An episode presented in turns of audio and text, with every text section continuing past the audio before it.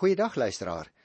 As jy vandag vir die eerste keer by ons inskakel, is ek baie bly en ek hoop jy gaan dit sommer elke dag doen van Maandag tot Vrydag hierdie tyd elke week. Ons is besig om die Bybel deur te werk van Genesis tot Openbaring.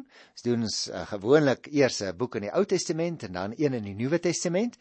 En so gaan ons die hele Bybel deurwerk oor 'n periode van 5 en 'n half jaar, so die Here wil.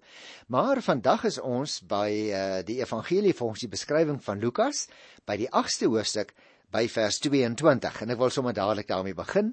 Die opskrif in die Afrikaanse teks is Jesus maak die storm stil. Op 'n dag het Jesus en sy disippels in 'n skuit geklim en hy het vir hulle gesê: "Kom ons gaan na die oorkant van die meer toe." Hulle vaar toe weg en terwyl hulle seil raak Jesus aan die slaap. 'n Ewige stormwind het op die meer losgebars en die skuit het vol water begin word sodat hulle in lewensgevaar was. Hulle gaan toe na Jesus toe en maak hom wakker met die uitroep: "Meneer, meneer, Ons vergaan. Toe staan Jesus op en bestraf die wind en die golwe. Luisteraar, die van ons wat nou al in Israel was een of meer kere, uh, vir my was dit voorreg het 'n jaar daar studeer in die land uh, redelik goed leer ken, maar as jy so langs die see van Galilea staan en jy kyk so oor, dan kan jy nie dink dat die meer wat gewoonlik so rustig en stil en kalm is, soms skielik in 'n storm kan ontaard nie. Die rede is natuurlik omdat die heuwelland daar rondom die wind as dit ware in die geute in die valleie tussen hierdie lae heuwels inforceer.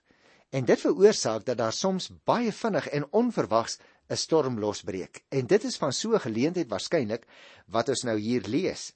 En uh, daar woed dikwels hewige storms oor die see van Galilea. Dit kan die golwe van hierdie binnelandse meer meters hoog laat word in 'n paar minute hoor. Here Jesus se disippels was nie sonder rede bang nie. Hoewel hulle ervare seemanne was en hoewel hulle ook geweet het hoe om hulle skuite te beheer, was hulle eh, op hierdie stadium in baie groot gevaar. Die geweldige mag wat die Here Jesus hier demonstreer oor die natuur, moet juis ook vir ons oorweldig, net soos vir die disipel van ouds. Hy kan selfs ewige storms met enkele woorde laat bedaar. Nou hier gee die evangelis Lukas vir ons 'n demonstrasie van Jesus se mag oor die skepping. Net soos wat Paulus dit ook in sy brief aan die Kolossense gedoen het. Jy kan gerus gaan lees daar in Kolossense 1 van die 15de vers af. Daar sê die verhaal kry van Paulus wat skryf hoe verhewe die seun van God bokant die kosmos is. En dan skryf hy Hy troon bo die kosmos om juis vir ons aan te toon dat die Here Jesus nie geskep is soos die res van die skepping nie, maar dat hy as ewigheidswese altyd daar was. Om die waarheid te sê in Johannes 1 vers 1 lees ons dat niks wat bestaan het sonder hom ontstaan nie. En daarom moet ons altyd onthou die Here Jesus het nie net wêreld toe na die wêreld gekom om uh, ons te verlos nie, asof hy toe vir die eerste keer ontstaan het nie. Hy was altyd daar en hy wil nie net die heerskappy voer oor die natuur nie, maar hy het ons deur sy gees ook herskep omdat hy ook oor ons hele lewe as die kroon van sy skepping die heerskappy wil voer. Nou net soos vir Lukas en Paulus is dit heerlik om persoonlik te mag weet dat die Here Jesus nie alleen mag het oor die sonde en die dood nie, maar ook oor die ganse natuur. Wat 'n wonderlike God is dit in wie jy en ek glo. Nou maar kyk nou op die reaksie. Uh want hier in vers 25 staan daar geskrywe as die Here Jesus nou gepraat het met die wind en die golwe, hulle het bedaar en daar het stilte gekom. Toe sê Jesus vir hulle: Dis nou vir die ouens op die skuit. Waar is julle geloof dan? Maar hulle was verskrik en verbaas en het vir mekaar gesê: Wie is hy tog? Hy gee beveel aan wind en water en hulle is aan hom gehoorsaam. Nou ek dink luisteraars, dit moes sekerlik baie maklik gewees het om te midde van 'n lewensstorm te dink dat God beheer verloor het. Maar nou is dit nie so nie. Ons moet eerder dink aan die genade wat hy aan ons betoon. Ons lewens is nie maar net aan die noodlot uh uitgelewer nie. Dit is verseker nie waar nie, want God is volkome in beheer van die geskiedenis van die wêreld en ook van elke mens se lewe. Net soos die Here Jesus die golwe laat bedaar het, kan hy ook enige storm in jou lewe laat bedaar. En daarom ek ken jou omstandighede, natuurlik ken ek dit nie.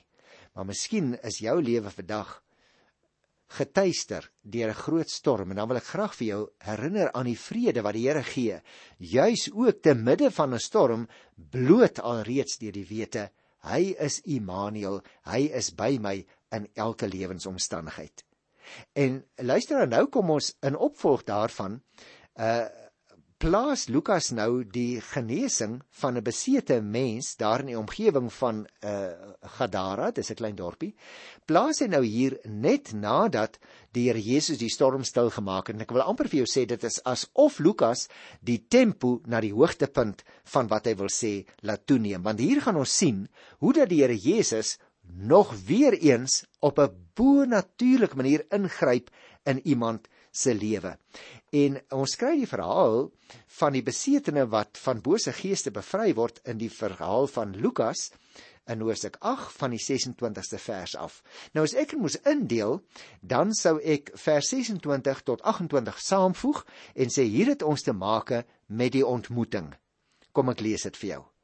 Daarna het hulle verder gevaar na die land van die Geraseëners wat reg oorkant Galilea lê. Toe Jesus daar aan wal gaan, het 'n man van 'n stil dorp af hom tegemoet gekom. Hy was van bose geeste besete en het 'n hele tyd lank al nie meer klere gedra nie en hy het ook nie in 'n huis gebly nie maar tussen grafte. Toe hy Jesus sien, skreeu hy uit en val op sy knieë voor hom neer terwyl hy hard uitroep: "Wat het u met my te doen, Jesus, seun van God die Allerhoogste? Ek smeek u, moet my nie pynig nie." Nou hierdie gebied van die Geraseëners wat was suidoos van die see van Galilea. Dit was eintlik om die waarheid te sê 'n nie-Joodse landstreek wat ook bekend gestaan het as die Decapolis of 10 stede in Grieks, né? Want eh uh, Griekse stede wat nie onder Joodse beheer was nie, eh uh, het hulle self regeer. En daarom was hierdie 10 wat hulle self regeer bekend as die Decapolis of Decapolis, as jy dit so wil uitspreek. Hoewel geen Jode varke natuurlik aangehou het nie omdat varke deur hulle as onrein beskou was, het die nie-Jode geen beswaar gehad om 'n varkboerdery te hê nie. So in hierdie ontmoeting luisteraars kry ons nou die Here Jesus waar hy in gesprek gaan tree met 'n man, die arme man wil ek eintlik sê, wat heeltemal deur die maatskappy verstoot is, wat nie by sy volle verstand is nie, wat nie eers meer klere dra nie en die ergste is hy is besete deur 'n klomp bose geeste. En dit is tog so ironies dat dit juis die bose geeste is wat Here Jesus onmiddellik erken as die seun van God, die Allerhoogste, spreek hulle hom aan. Hulle het geweet wie hy was en wat hy aan hulle kon doen.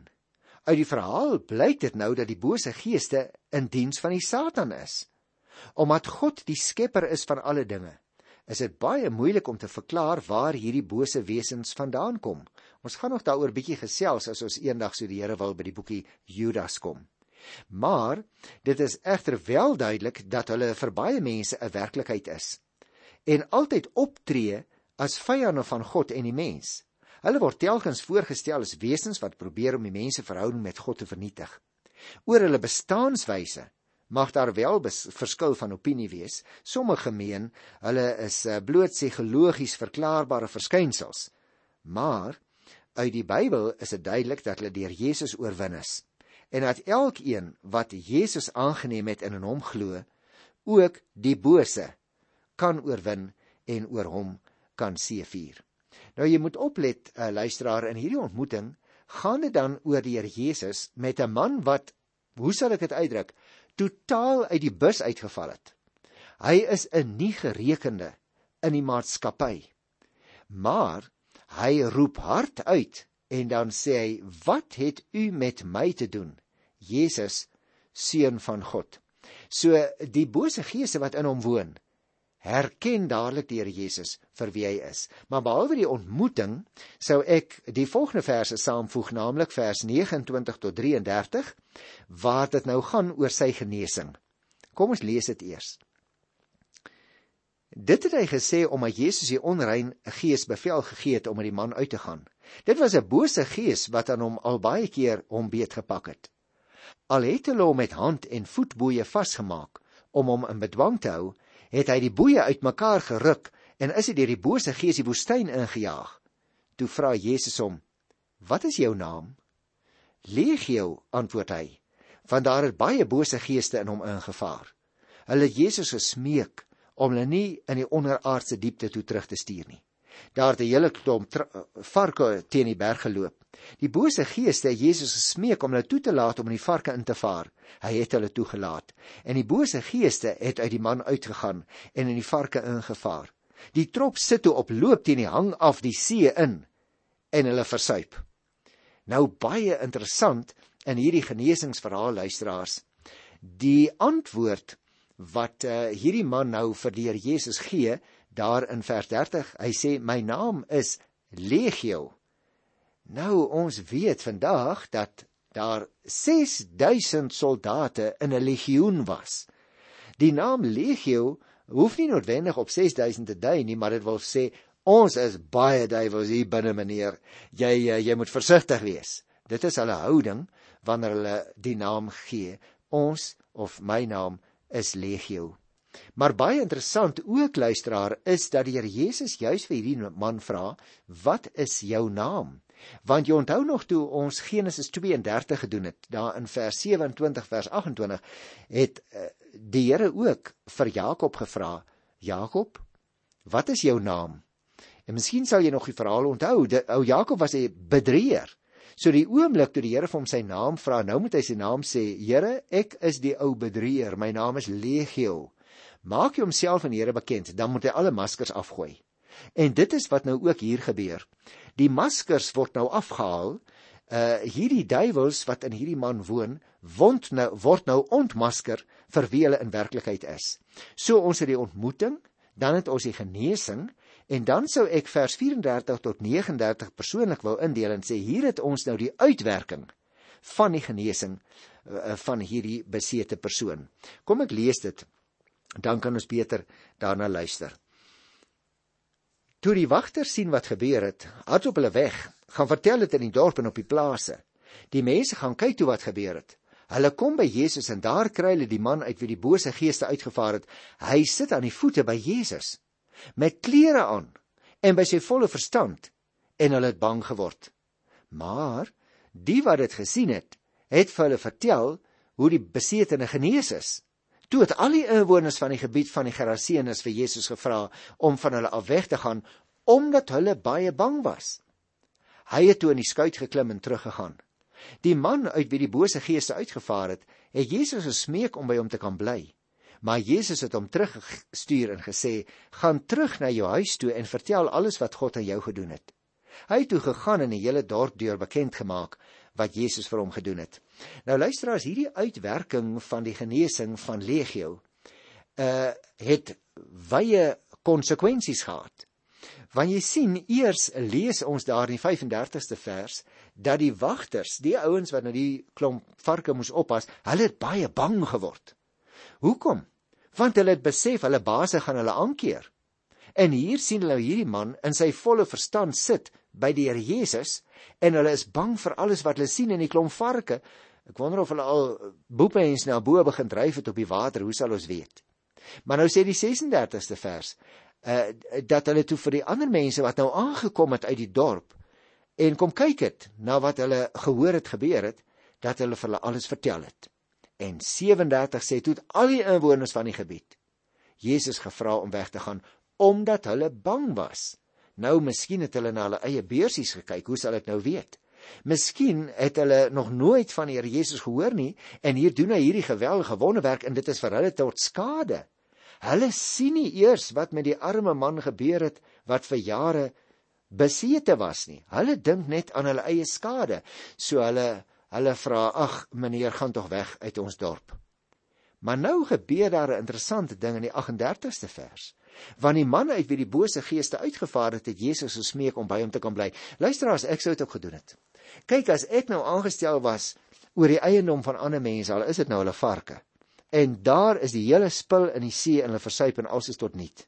My my meester se besittings is alles daarmee heen. Dan sou ek ook vir die ou wat nou as dit ware verantwoordelik was daarvoor in hierdie geval die Here Jesus.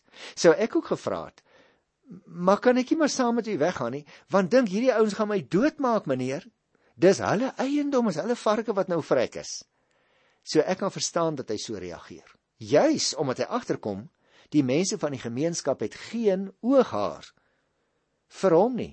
Hulle is net bekommerd oor die varke. Wat ek wil uitwys is vers 39 luisteraars. Gaan terug na jou huis toe en vertel alles wat God vir jou gedoen het. Luisteraars, weet jy, uh hier het ons eintlik die eerste voorbeeld van iemand wat deur die Here Jesus uitgestuur word en gesê gaan getuig, gaan vertel. En dit is baie interessant want dit was juis in 'n heidense land. En hierdie man moes nou huis toe gaan en daar staan hy het dit gedoen. Hy het toe gegaan en die hele dorp deur bekend gemaak wat Jesus vir hom gedoen het. Wat 'n wonderlike getuie. Hy het teruggegaan. Al wat hy gedoen het was om te sê ek is deur daardie man aangeraak. Ek het gesond geraak. Ek wil ook vir jou vra luisteraar, doen jy dit? Vir al die goeie dinge wat die Here gee. Moenie net so in die wind getuig nie om te sê ja, die Here is baie goed, hy gee vir ons die reën. Trek ook die fokus van jou kamera bietjie kleiner in op jou eie lewe. Vertel vir mense, die Here Jesus het my persoonlik verlos. En dit is ook die getuienis van my eie lewe broer en suster wat ek graag met jou wil deel. Die Here Jesus het my lewe aangeraak. Hy het my verlos. Hy gebruik my in sy diens, hoe swak en krom dikwels, maar die Here gebruik my in sy diens. En dit is wat hy ook met jou wil doen. Nou maar goed, kom ons gaan verder. Anders kry ons nooit klaar met Lukas nie. Ek is by Lukas die 8ste hoofstuk by vers 40. Die opskrif daar is die dogtertjie van Jairus. Toe Jesus van die oorkant af terugkom, het die mense hom verwelkom want almal was om te wagte. Skielik kom daar 'n man aan. Dit was Jairus, 'n raadslid van die sinagoge.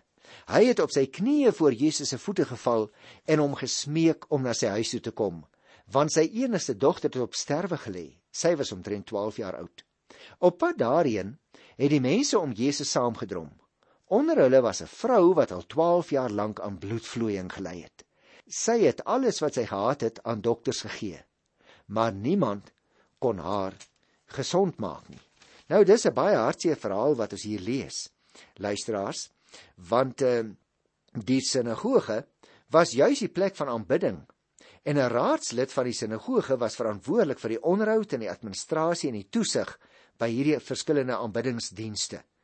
Dit sou dus vir almal vreemd gewees het om te sien hoe 'n raadslid van die sinagoge nogal wat 'n hoë posisie in die omgewing bekleed voor die voete van 'n reisende prediker neerval en hom smeek om sy dogter te kan te gaan genees. Die Here Jesus het hierdie man se nederigheid en geloof beloon, want hy het inderdaad die kind genees. Jy kan maar gaan kyk solank as jy wil by vers 50 en ook na vers 54. Nou hier in hierdie gedeelte het die mense die Here Jesus rondom hom saamgedrom waar hy tussen hulle beweeg het.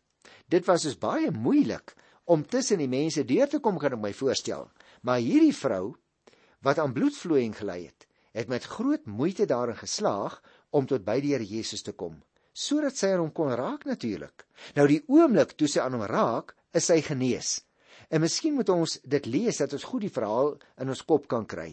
Vers 44 sê sy het nader gekom. Nou wil ek net vir u sê, uh in Numeri uh 15 vers 38 staan daar ook dat uh, jy kan nie sommer uh, iemand wat 'n bloedvloeiing of allerlei siektes het in daai persoon se teenwoordigheid kom nie. Maar hierdie vrou gee nie om nie. Sy het nader gekom van agter af aan die soem van Jesus se klere geraak en haar bloedvloeiing het onmiddellik opgehou. Jesus vra toe: "Wie het aan my geraak?" Toe almal ontken dat dit hulle is, sê Petrus: "Here, die mense dring tog rondom u en druk teen u." Nou, natuurlik luisteraars mens moet dit kan verstaan. Maar wat ons nou hier opmerk, Jesus het natuurlik geweet wie hom aangeraak het, maar hy wou hê dat die vrou vorentoe moes kom en haar naam moes sê. Hy wou haar laat verstaan dat sy nie genees is omdat sy klere towerkrag gehad het nie, maar omdat sy in hom geglo het. Hy wou dalk ook selfs vir die skare daardeur daardeur iets leer. Volgens die Joodse wet was 'n man onrein as hy aan 'n vrou geraak het tydens haar menstruasieperiode. Ons het dit behalwe die verwysing wat net ek genoem het in Numeri, natuurlik ook gedoen in Levitikus 15, toe ons daardie boek uit die Ou Testament behandel het. Die wet het egter nie net vir normale omstandighede gegeld nie, maar ook vir siekte toestande soos in hierdie vrou se geval. Die Joodse mans het hulle self tot elke prys van onreinheid probeer beskerm en nie eers met so 'n vrou gepraat of haarselfs aangekyk as hulle geweet het sy menstrueer nie. In teenstelling met hulle gesindheid het die Here Jesus aan die duisende teenwoordiges gesê die onrein in aanhalingstekens vrou wat aan hom geraak het en dat hy haar genees het. Vir hom was vroue dus nie bloot 'n moontlike bron van onreinheid vir ander mense nie, maar hulle was mense, mense wat met menswaardigheid en eerbied behandel moes word. Vers 47 sê toe die vrou sien hy weet dit is sy, het sy van angs gebewe en voor hom neergeval. Daarvoor al die mense vertel sy hom toe waarom sy hom aangeraak het en hoe sy onmiddellik gesond geword het. En toe sê hy: "Dogter, jou geloof het jou gered. Gaan in vrede." Ek dink dit moes 'n wonderlike oomblik vir haar gewees het. En dan lees ons van vers 49 af terwyl hy nog praat, kom daar iemand van die raadslid van die sinagoge se huis af om te sê: "U dogter is al dood." Moenie nog ons leermeester lastig val nie. Maar Jesus het dit gehoor en sê vir hom: "Moet jou nie ontstel nie, glo net en sy sal gered word." Nou luisteraars, dit is 'n baie interessante opmerking wat die, wat die Here Jesus maak. Want 'n uh, eh, mens mag die afleiding dalk maak dat dit op grond van die sterkte van die geloof is van die ouers dat uh, die kind genees is. En dit is nie noodwendig so nie. Selfs al sou dit in daardie geval so gewees het, dan beteken dit nie dat die Here Jesus altyd so werk nie. Hoekom sê ek dit? Omdat ek in my bediening al dikwels gesien het hoe dat vir ouers gesê word as jy net glo, sal dit of dat gebeur en dit werk nie so nie. Ek dink aan 'n dogtertjie wat eendag in 'n swembad verdrink het. En toe ek daar by die huis kom, toe was dit verskriklik hartseer en toe is daar iemand wat reeds vir die mamma gesê het: "Mevrou, as jy nou net glo, dan gaan hierdie dogtertjie nou wakker word. En dit het natuurlik 'n geweldige geloofskrisis veroorsaak, want daardie persoon het hulle beroep op hierdie gedeelte en dit werk nie so volgens 'n vaste skema nie. Kyk vers 51. Toe Jesus by die huis kom, het hy niemand toegelaat om saam met hom in te gaan nie behalwe Petrus en Johannes en Jakobus en die kind se pa en ma. Die mense het almal daar buite gehuil en oor haar rou bedryf, maar Jesus sê moenie huil nie want sy is nie dood nie. Sy slaap net. Hulle het hom uitgelag want hulle was seker dat sy dood is. Maar Jesus het haar aan die hand gevat en uitgeroep: "Dogtertjie, staan op." Haar lewe teruggekom en sy het onmiddellik opgestaan. Toe gee Jesus opdrag dat hulle vir haar iets moet gee om te eet. Ek dink dit moes hulle seker stom gelaat het van verbasing, want die een oomblik was die dogtertjie dood en nou lewe sy weer En as dit ware as 'n bewys daarvan, sê die Here Jesus vir haar, hulle moet nou vir haar kos gee om te eet. Maar ek wil die 56ste vers en dit is ook die laaste vers van Hoofstuk 8 uh, net woordeliks ook lees. Luister hierna. Haar ouers was stom van verbasing en Jesus het hulle verbied om vir iemand te vertel wat gebeur het. Nou ek dink luisteraars, ons moet net 'n oomblik hierby stil staan voordat ons afstap van die hoofstuk, want die vraag is Hoekom het die Here Jesus die ouers verbied om oor hulle dogter se genesing te praat? Ek dink die rede is hy het geweet dat die feit van selfsprekend genoeg was, maar hy wou nie as iemand bekend staan wat net wonders doen nie. Nee, hy wou hê dat die mense ook na sy woorde moes luister, omdat hy daardeur ook gebroke geestelike lewens volkome sou kon genees. En weer eens is die waarheid wat ons moet raak sien dus die Here Jesus se gelykenisse, maar ook sy wondertekens en die dinge wat hy gedoen het, was soos ek nou net dit genoem het, tekens. Dit het gestaan in diens, in diens van sy eie verheerliking. Dit wys uiteindelik op wie hy is. En daarom verstaan 'n mens vers 56 haar ouers was stom van verbasing en Jesus het hulle verbied om vir iemand te vertel wat gebeur het. Want natuurlik, hy wou nie hê dat hulle om valse redes agter hom moet begin aankom nie. Hy was nog op pad na Golgotha.